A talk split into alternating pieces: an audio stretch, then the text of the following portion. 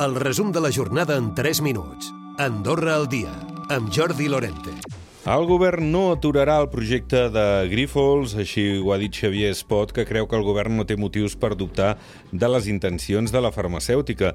Ho ha dit en resposta a una pregunta del PS en la sessió de control al govern d'aquest dijous. S'han instat algunes demandes judicials justament doncs, per eh, intentar demostrar la falsitat d'aquestes manifestacions i, per tant, nosaltres el que entenem és que l'acord que tenim amb Grífols de cara doncs, a la construcció de, i, al, i al manteniment i a la posada en funcionament de, eh, d'aquest centre de recerca en immunologia eh, es mantenen tal i com es van acordar inicialment.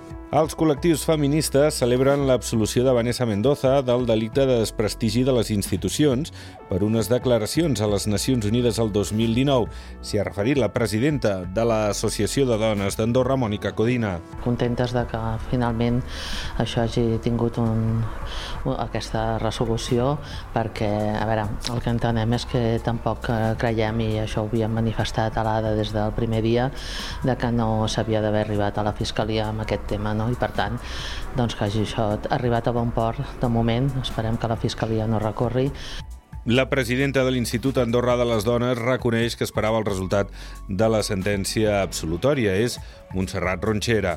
Parlo a nivell, a nivell personal, eh? perquè és un tema que no l'hem parlat a la Comissió Executiva, bàsicament perquè la, la sentència és d'ahir, però sí que us diré que és un... És a dir, nosaltres, jo almenys pensava, estava convençuda de que, bueno, de que no, no, no, no continuaria aquest tema que s'ha tancat tal com pensava que es faria.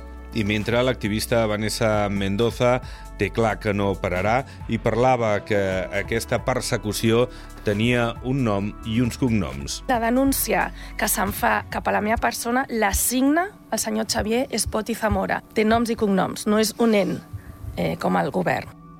I a Europa, un de cada cinc menors que practica esport ha estat víctima d'assetjament sexual, unes xifres que podrien ser extrapolables a Andorra, tot i que no hi ha dades oficials.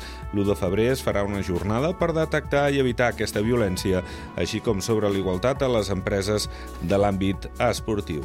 I la població a 31 de desembre de l'any passat se situa en 85.101 persones. És un increment de més del 4% respecte al tancament de l'any passat. I enganxada en el primer Consell, Andorra la Vella, l'oposició, sense David Astrie, ha acusat el nou comú de fer populisme en un parell de preguntes presentades per escrit.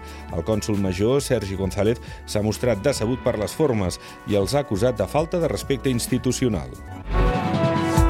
Recupera el resum de la jornada cada dia a AndorraDifusió.d i a les plataformes de podcast.